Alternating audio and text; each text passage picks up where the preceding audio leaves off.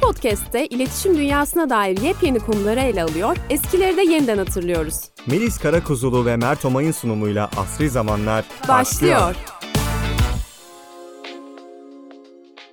Merhabalar Asri Zamanlar'ın ikinci bölümüne hoş geldiniz. Merhabalar, ikinci bölümümüze hoş geldiniz. Evet, bugün farklı bir konuyla sizlerleyiz. Mert'cim istersen sen konuyu özetle. Tamam, bugün geçen bölüme nazaran biraz daha ciddi bir konudan bahsedeceğiz. Genel olarak dijital medyada diyebiliriz, sosyal medyada, internette karşılaştığımız olumsuz haberlerin üzerimizdeki etkilerini konuşacağız. Özellikle haber derken haber videoları olabilir veya vatandaşların çektiği ve sosyal medyaya yükledikleri videolardan bahsedeceğiz. Çünkü ikimiz de sosyal medyada, dijital mecralarda her gün çok fazla olumsuz, şiddet içerikli videoya maruz kalıyoruz. Televizyonda da öyle ve birçok kişinin de aynı şeyi yaşadığına eminim. Bu üzerimizde ister istemez farkında olmadan her gün maruz kaldığımız bir şeye dönüştüğü için kötü etkilere yol açıyor, olumsuz etkilere yol açıyor. Bunu bir konuşmak, araştırmak, üzerine düşünmek istedik. Evet kesinlikle ve hani maruz kalmak kelimesi bence burada çok önemli diye düşünüyorum. Çünkü istemsizce maruz kalmak söz konusu burada. Bambaşka bir şeye bakarken bir anda şiddet içerikli bir video, olumsuz bir haber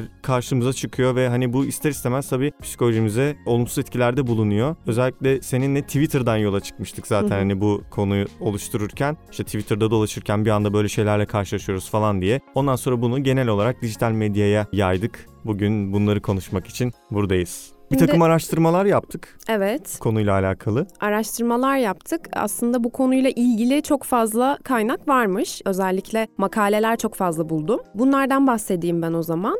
Medya aracıyla dozu hafifletilmiş haliyle maruz kalınan şiddetin sonuçları, etkileriyle ilgili şöyle bir bilgi var. Medyada kullanılan şiddete ilişkin yapılan araştırmaların merkezi Amerika Birleşik Devletleri olduğu söyleniyor. Araştırmaların ilki 1920'li 30'lu yıllarda sessiz sinema filmlerinin çocuklar üzerindeki etkisinin araştırılmasıyla başlamış. Medyada şiddet kullanımına ilişkin araştırmalar en çok televizyon örneğinde yapılmış o dönemde tabii. Şimdi daha da çeşitlenerek devam ediyor. Amerika Birleşik Devletleri'nde televizyonda kullanılan şiddete yönelik araştırmalar 1954 yılında Smithy ve Head'in ayrı ayrı olarak gerçekleştirdikleri araştırmalarla başlamış. Her iki araştırmada da özellikle çocuk programlarında şiddet öğesinin fazla bulunduğu sonucuna ulaşılmış. Aynı zamanda tabii yıllar geçtikçe devam ediyor. Kaiser Vakfı'nın 2010 yılındaki anket çalışmasına göre 8-18 yaş arası Amerikan gençleri günde ortalama 7,5 saatlerini farklı medya kanallarını kullanarak geçiriyor.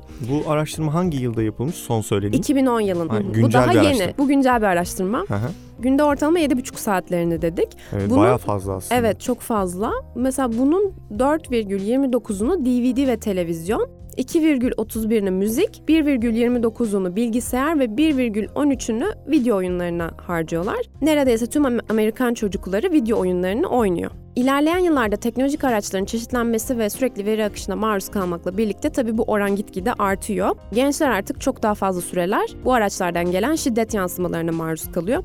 Özellikle video oyunlarını zaten hani biz de küçüklüğümüzden beri biliyoruz sürekli konuşulan bir şeydi bu. Erkek çocuklarının oynadığı video oyunlarında çok fazla şiddet var. Genelde savaş, dövüş, bu tarz oyunlar oluyor. Bu da aslında onların şiddete maruz kalmasını ve bunu sürekli tekrar eden bir şekilde görmelerini sağlamış oluyor. Aslında 2010 yılındaki bir araştırmadan bahsettiğin 7,5 saatin bir küsür saatini internette bilgisayarda geçirdiklerini ama tabii 2010 yılından beri 12 yıl geçti ve bunun ivmeli şekilde Evet. arttığını düşünürsek o 7,5 saat bile artmıştır. Tabii o ki. ortalama bile artmıştır zaten. O 1,5 saatler hele hiç konuşulmuyordur bile yani şu anda diye düşünüyorum. Çok daha fazla Evet, bir orandan bahsedebiliriz günümüzde. Dolayısıyla bu etkilerin de arttığını tahmin etmek diyelim yanlış olmaz. Evet. Çok değerli bir araştırma olmuş ve araştırma aslında 1920'lerden başlamış. Sessiz sinema döneminden başladığını Evet yani şiddetle ilgili araştırmaların o dönemde başlamış olması benim için de ilgi çekici bir bilgi oldu. O zamandan beri bir şekilde demek ki insanlar üzerinde etkileri Evet. görülmeye başlanmış bu durumun. Şu anda da işte aslında maksimum düzeyde diyebiliriz bu etkiler ve maruz kalma durumları. Bende de şöyle şeyler var. Ben biraz da kendi deneyimlerimden bahsetmek istiyorum. Ben de birkaç Hı. araştırmadan bahsedeceğim ama ikimiz de aslında sosyal medyada bol bol vakit geçiren insanlarız. Sadece ikimiz değil. Şu Hı an çevremizdeki birçok kişi o şekilde. Mesela bu son zamanlarda çok popüler SMA'lı çocuklar Twitter'da ben çok vakit geçiririm ve genelde haber amaçlı kullanırım. Yorumlara da bakıyorum. İnsanlar neler düşünüyor, neler yazıyorlar. Yorumları okurken bir anda karşıma SMA'lı çocuk videosu çıkıyor. Yani sürekli hasta durumda çocukları görüyorum, bebekleri görüyorum. Artık beni ister istemez çok etkilediğini fark ettim. Böyle gözümü kapatarak kaydırıyorum, geçiyorum yani onları mecburen yani. Tamam bu bir gerçek, SMA gerçeği var. Tamam zor durumdalar ama sürekli sürekli buna maruz kalmak, bunu tekrar tekrar yaşamak da aslında insanın e, psikolojisinde olumsuz etkilerde bulunuyor. Şöyle bir araştırmadan bahsetmek istiyorum tam bu noktada. Çok aslında çarpıcı bir veri. 2013'te Kaliforniya Üniversitesi Psikoloji bölümünde bir araştırma yapılmış. Boston Maratonu'nda bir bombalama olayı yaşanmış. Bu olayı haberlerden okumadım ben ama 4675 yetişkin bir ankete tabi tutulmuş. Verilen cevaplarda bombalama olayına internetten ya da işte haber sitelerinden, sosyal medyadan maruz kalmanın fiziksel olarak, direkt olarak bombalandığı yerde gözüyle gören insanların maruz kalmasına göre daha yüksek seviyede bir strese yol açtığı ortaya çıkarılmış bu araştırmaya göre. Yani bu bence çok kıymetli bir veri. Baktığın zaman fiziksel olarak olay karşında gerçekleşse tamam büyük bir olay ama bir kere görüyorsun onu daha sonrasında çok atlatman için vaktin oluyor. Sosyal medya, internette sürekli sürekli karşında defalarca çıkınca o travmayı defalarca aslında yaşamış oluyorsun. Devamlı yani devamlı ben o SMA'lı çocukları devamlı görüyorum. Sürekli karşıma çıkıyorlar. Yani bir, bir noktada artık görmek istemiyorum gerçekten. Gözümü kapatıyorum. Gerçekleri göz ardı etmek gibi değil de psikolojimi korumak için yapıyorum. Mecburen. Bir yerde korumak lazım bence evet. de. Çünkü sonuçta görüyorsun onları ama elinden gelen de bir şey yok. O yüzden insanı tabii ki olumsuz yönde etkileyen içerikler oluyor bunlar. Ben de şöyle bir şeyden bahsedeceğim. Aslında araştırmalarda bu videoların tetikleyici bir neden olduğu söyleniyor. Böyle olduğunda da şiddet olasılığı artıyor ama bir yandan da bazı kişilerde şiddete duyarsızlaşma meydana geliyor. Bir tarafta tetikleniyor ve şiddete eğilimli hale geliyor. Duyarsızlaşmayı mesela ben kendim yaşadım. Özellikle gazetecilik döneminde, muhabirlik döneminde yaptığım haberlerde de çok hasta çocuk haberi yapıyorduk. Sıcak haberler, deprem, yangın vesaire her şeyi aslında görüyorsun birebir. Bu tabii videosunu izlemek de aynı şekilde. Sürekli sürekli maruz kaldığımız için bir yerden sonra artık bu bizim için normal bir şey haline geliyor. Evet olmuştur, olabilir diyorsun içinden ve hayatına devam ediyorsun. İlk gördüğünde verdiğin tepki belki işte üzülmek, ağlamak, öfkelenmek olurken daha sonrasında tekrarlana tekrarlana artık azalıyor ve hiçbir tepki veremiyorsun. Öyle bir hale geliyorsun. Bu etkilerle ilgili de Bashman ve Anderson'ın 2002 yılında yapılan bir laboratuvar araştırmasında medya şiddetine maruz kalanların daha fazla agresif sonuçlar ürettiğini, 2009 yılındaki bir başka çalışmalarında ise yetişkinlerin şiddet filmi izledikten sonra koltuk değneğini düşüren yaralı bir yardımcıya yardım etme konusunda daha yavaş oldukları görülmüş. Aslında senin dediğin gibi normalleşiyor. Kanıksıyoruz bu durumu. Biraz daha belki şiddet yanlısı olunabiliyor ve bir yandan da çok normal bir şeymiş gibi geliyor. Duyarsızlık sürecini incelemek üzere yapılan bir çalışma var aynı zamanda. Fanti Venman, Henrik ve Avramides yapıyor bu çalışmayı 2009 yılında. Onlar duyarsızlığı negatif veya sakınılacak bir uyaran tekrarlandıkça ona verilen duygusal tepkinin azalması olarak tanımlıyorlar ve duyarsızlığın medya şiddetine sürekli maruz kalanlar için kısa vadede gerçekleşebileceğini gösteriyorlar. Başlangıçta şiddet görüntülerinden daha az keyif alınıp kurbanların acıları daha fazla duyumsanırken sonraki tekrarlarda daha çok keyif alınıp kurbanların acıları daha az duyumsanmaya başlıyor. Sürekli tekrarlandığı sürece ekran medyasındaki şiddetin psikolojik etkisi azalıyor, alışkanlığa dönüşüyor ve gözlemci zamanla duygusal ve bilişsel olarak şiddet medyasına duyarsızlaşıyor. Böyle bir sonuç ortaya çıkmış. Bu da zaten az önce bahsettiğimiz duyarsızlaşmaydı. Kötü haber bağımlılığı ile ilgili bir şey duydun mu daha önce hiç? Hayır. Ben araştır ben de duymamıştım. Ben de araştırırken bu konu hakkında böyle bir terimle karşılaştım. Hı. Doom scrolling ya da işte doom surfing gibi bir kelime Oxford'da sözlüğe girmiş bir kelime. Her yıl Oxford bir kelime seçermiş. İşte yılın kelimesi diye. Bu da 2020 yılında öne çıkan bir kelime olmuş Oxford sözlüğünde. Bu kötü haber bağımlılığı olarak Türkçe'ye çevrilmiş. Kötü haber okumaya ve kötü haberleri bulmak için özellikle sayfayı kaydırmaya devam etme eğilimimize atıfta bulunuyormuş bu. Özellikle tabii Covid-19 sürecinden itibaren e, daha çok öne çıkan bir terim olmuş. Böyle bir kelime bile sözlüklere girmiş. Çok ilginç ama gerçekten de son 2-3 yıla baktığımızda bu felaketlerin çok fazla arttığını görüyoruz. Sürekli bu haberleri duyuyoruz. Hastalık oluyor, deprem oluyor, doğal afetler, yangınlar, bir sürü şey üst üste geliyor. Artık herhalde insanlarda şey oldu. Olumsuz bir şeydi ilk başta bu. Bunları görmek, maruz kalmak olumsuzdu ama bir yandan da merak ediyorlar gibi. Acaba Yani- yeni ne var? Hani yeni kötülük ne gelebilir başımıza? gibi bir şey mi oluştu acaba? Evet onun nedenleri üzerine biraz düşünülmüş ve şu sonuca varılmış. İnsan kendini korku dolu hissettiğinde, yalnız hissettiğinde ya da stresli hissettiğinde ya da dünyanın insanlar için bizim için tehlikeli bir yer olduğunu düşünüyorsa mesela bunu teyit etmek için bu düşüncesini kendine ispatlamak için aslında sürekli internette işte kötü haber okuma, haklı çıkma dürtüsü diyelim. Bu dürtüyle birlikte ortaya çıkan bir bağımlılık. Çok enteresan geldi bana kötü haber bağımlılığı. Ama baktığım zaman hepimizde aslında bir ölçüde var diyebiliriz yani. Şu an zaten hani genel olarak dünya olarak çeşitli stresli dönemlerden geçiyoruz. İşte savaş, ekonomik krizler şu an dünyada her yerde söz konusu olan gündem maddeleri. Bir şekilde bu olumsuz gündemle Evet. karşı karşıya kalıyoruz ister istemez. Bir de benim aklıma şey geldi. Belki de şöyle bir rahatlama oluyor olabilir. Kötü haberleri görüp sonuçta o olaylar bazı insanların da başına geliyor. Katarsis mi diyeceksin? Yani özneler var orada Evet. ve neyse ki benim başıma gelmedi. Neyse ki ben bunu yaşamadım gibi bir böyle kendini rahatlatma da oluyor olabilir. Hani bak dünyada böyle kötülükler de var. Bunu da yaşamadık en azından. gibi bir rahatlama, Gibi katarsis, belki de. arınma dediğimiz. Evet.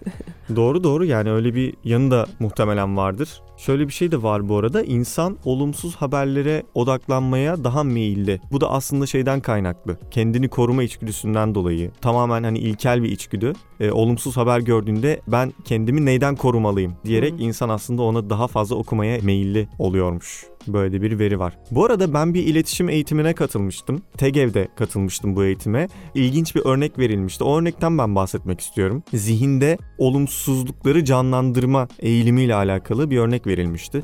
İşte doğru iletişim kurarken karşımızdakine karşı pozitif olmalıyız. Olumlu tavırda olmalıyız, gülümsemeliyiz. Çünkü olumsuz bir tavırda olduğumuzda o olumsuz tavır mutlaka insanın aklında kalacaktır. En çok olumsuz şeyler akılda kalır.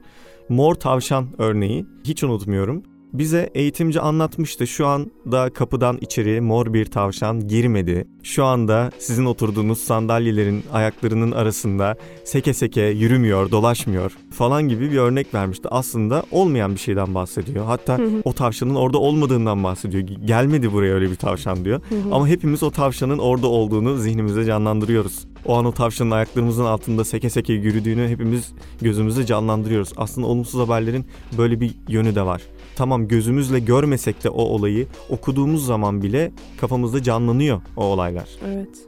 Yozgat Bozok Üniversitesi'nden Ejder Çelik'in internet ortamındaki şiddet sunumları ve yol açtığı sosyal travmalar adlı makalesinden e, bir alıntı yapacağım şimdi. Bu makalede bir araştırma da yapılmış. Araştırmanın bulgularında katılımcıların verdiği cevaplardan çıkan sonuçlarda sansasyonel başlıklarla ve çarpıcı görsellerle verilen trajik haberlerin bireylerde olumsuz duygulara neden olduğu genel olarak böyle bir sonuç çıkmış.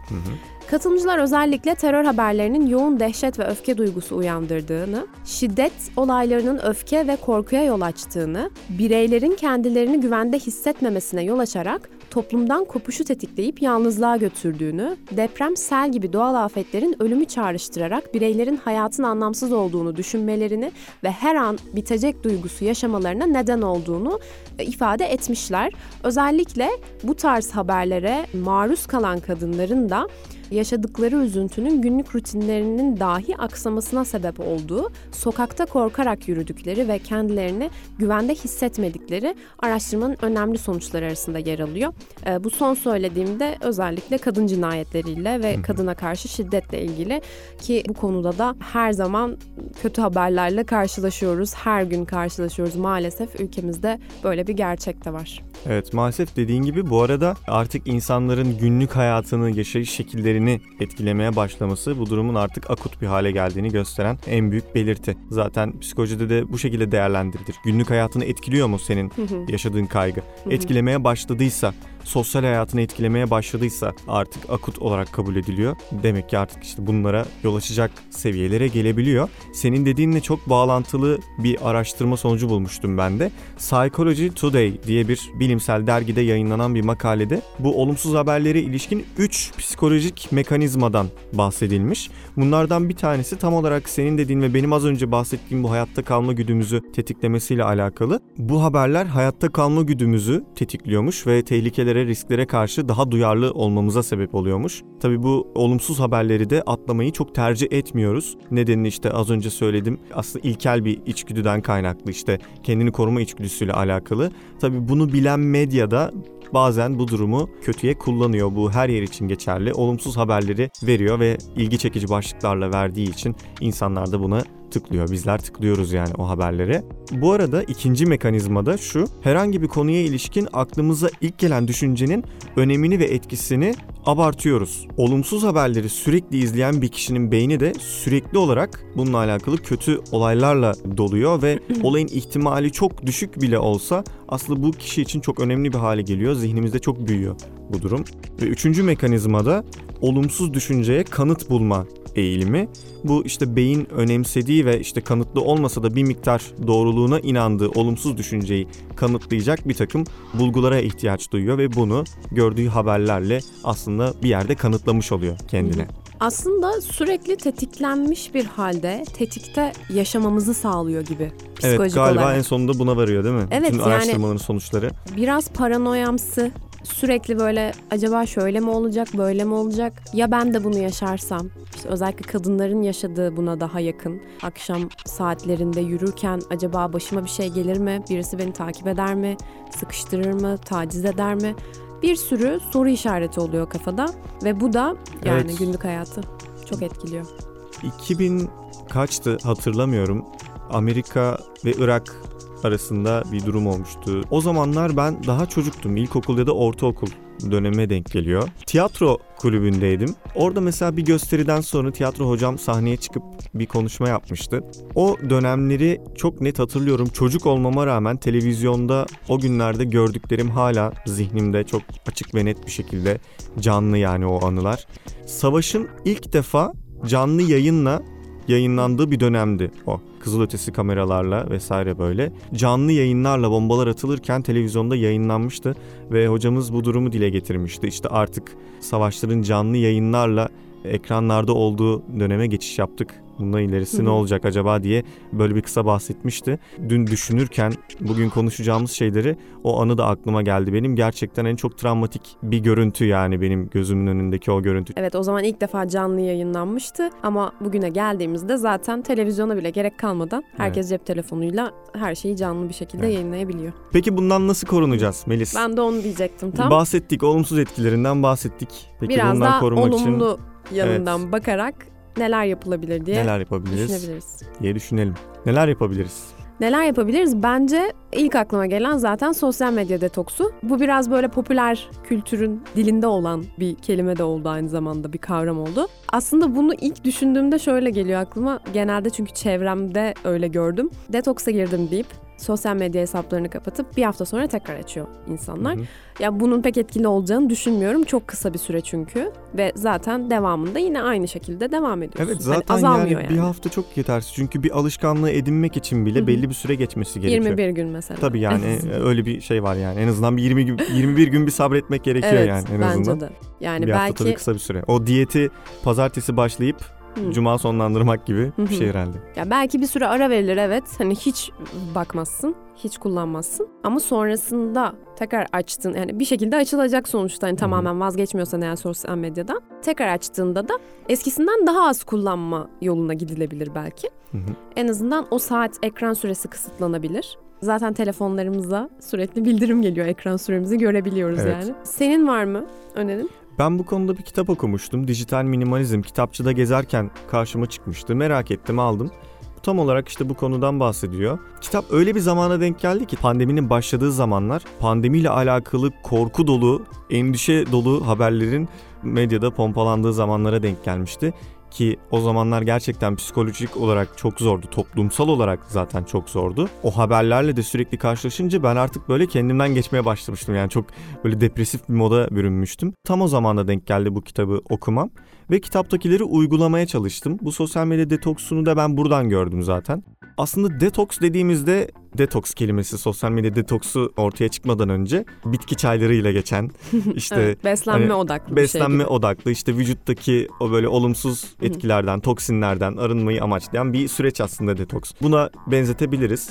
Ee, yine psikolojik olarak bu sefer işte sosyal medyada karşılaştığımız olumsuzluklardan hani arınmak gibi bir süreçten bahsediyoruz sosyal medya detoksu dediğimizde. E, bu detoksun sonunda tabii böyle bir haftalık bir boşluk çok yeterli değil. Detoksun sonunda zaten amaçlanan şey sen o araçları yeniden kullanmaya başladığında doğal olarak o araçları kullanma sürenin düşmesi. Bunun için kendini zorlamaman zaten yani. Kendi prensiplerinle çelişmeye başladığın noktada yine hiçbir şeyi değiştirememiş oluyorsun. Kitaptan alıntı yapmak yerine ben ne yaptım? Onu söyleyeyim. Sosyal medya uygulamalarını telefonumdan sildim. Bir süre buna zorladım kendimi. Zorunlu olarak kendimi buna maruz kalmaktan alıkoydum. Sadece bir tane haber uygulaması tuttum o da son dakika haberlerini bana bildirim olarak gönderen bir uygulama. Onun dışında başka hiçbir şey olmadı telefonumda. Onu yaparken bile şunu fark ettim. O kadar alışmışım ki hiçbir şey yapmasam bile telefonun tuş kilidini açıp açıp kapatıyordum ya. Ben böyle bir ay geçirdim. Bir ay gerçekten iradeli bir şekilde bunu uyguladım. Bir ay sonra geri döndüğümde biraz daha bilinçli bir kullanıcı olduğumu aslında fark ettim. Üstümde işe yaradığını söyleyebilirim artık eskisinden daha fazla kaçabiliyorum. Bu olumsuzlukları gördüğüm zaman buna da bakmayı vereyim diyebiliyorum. Hı hı. Önceden öyle değildim. Mesela ben hayvanlar konusunda ciddi çok hassasım hayvan hakları konusunda. Karşıma çıkıyor yani hayvanlara yapılan eziyetler maalesef. Es geçiyorum yani görmek zorunda değilim diyorum. Çünkü bu benim tercihimle karşıma çıkmadı ve buna okumak, bakmak zorunda değilim deyip kendimi tutabiliyorum bir yerde. Ben de aslında benzer şekilde davranıyorum. Evet şiddet içeriklerinden bahsediyoruz. Şiddet içeriklerinin dışında genel olarak sosyal medyada zaten gereksiz çok fazla bilgiyle karşılaşıyoruz. Ben kendimi mesela bazen şöyle yakalıyorum. Ben bunu bilmek zorunda mıydım? Görmem gerekiyor mu gerçekten? Çünkü beynimiz çok fazla bilgiye maruz kalıyor zaten sosyal medyadan. Uyarana ben maruz yüzden... kalıyor diyebiliriz. Bilgiden evet, ziyade evet, uyaran. Evet, uyaran. Evet. Ya sonuçta bunlar sonucunda bir şeyler de hissediyorsun. Evet. Ee, bir şekilde psikolojini etkileyen şeyler hepsi. Ben de şu şekilde yapıyorum. Bakıyorum. Yani biraz seçici olmak aslında burada önemli bence. Her gördüğüne tıklayıp videoyu açıp izlemektense en azından tahmin edebiliyorsun. Mesela tweetin üstündeki yazıdan bir şeyleri anlayabiliyorsun olumsuz bir içerik olduğunu. Onu görüp ya tamam ben bunu izlemeyeceğim geçeceğim deyip orada bir scrolling yaparak en azından onları atlamak belki de bir çözüm olabilir. En azından kendimizi bir nebze olsun koruyabiliriz. Bu kontrol edebileceğimiz bir şey. Edemediklerimiz de var tabii ki. Ama edebildiklerimiz için de bu tarz ufak es geçmeler e, şöyle bir şey demiyorum. Gerçekleri görmezden geleceğiz gibi bir şey değil bu. Tabii ki de haberleri takip ediyoruz. Bu bizim bahsettiklerimiz aslında sosyal medyada gereksiz şekilde maruz bırakıldığımız görüntüler. Bunlardan da bir şekilde kendimizi kurtarabiliriz. Evet yani istemeden karşılaştığımız şeylerden bahsediyoruz burada. Dediğin Hı-hı. gibi gerçeklerden kaçmıyoruz Hı-hı. aslında. Haber okumak istediğimiz zaman haber okumaktan Hı-hı. bahsediyoruz. Evet umarız yararlı, bilgilendirici bir bölüm olmuştur. Evet bu bölümde daha fazla araştırmadan bahsettik. Aslında ilk bölümden sonra gelen geri bildirimlerden bir tanesi de buydu. Yeni şeyler öğrendik falan demişti. Onu dinleyen arkadaşlarım sağ olsunlar. Biraz daha onlara hitap edecek herhalde bu bölüm diyelim. Ee, bir bölümde yeni... de medya okur yazarlığını tartışalım. Bak sen tabii, deyince tabii. konuşunca aklıma geldi benim. Bence de çok fazla konu var zaten. Bu arada eğer önerileriniz varsa e, Asri Zamanlar Pod kullanıcı ismiyle Instagram'dan bizi bulup önerilerinizi de yazabilirsiniz. Bir şekilde Spotify'dan oldu ki denk geldiniz, bizi dinlediniz. Takip alırsanız da çok seviniriz. Hoşçakalın.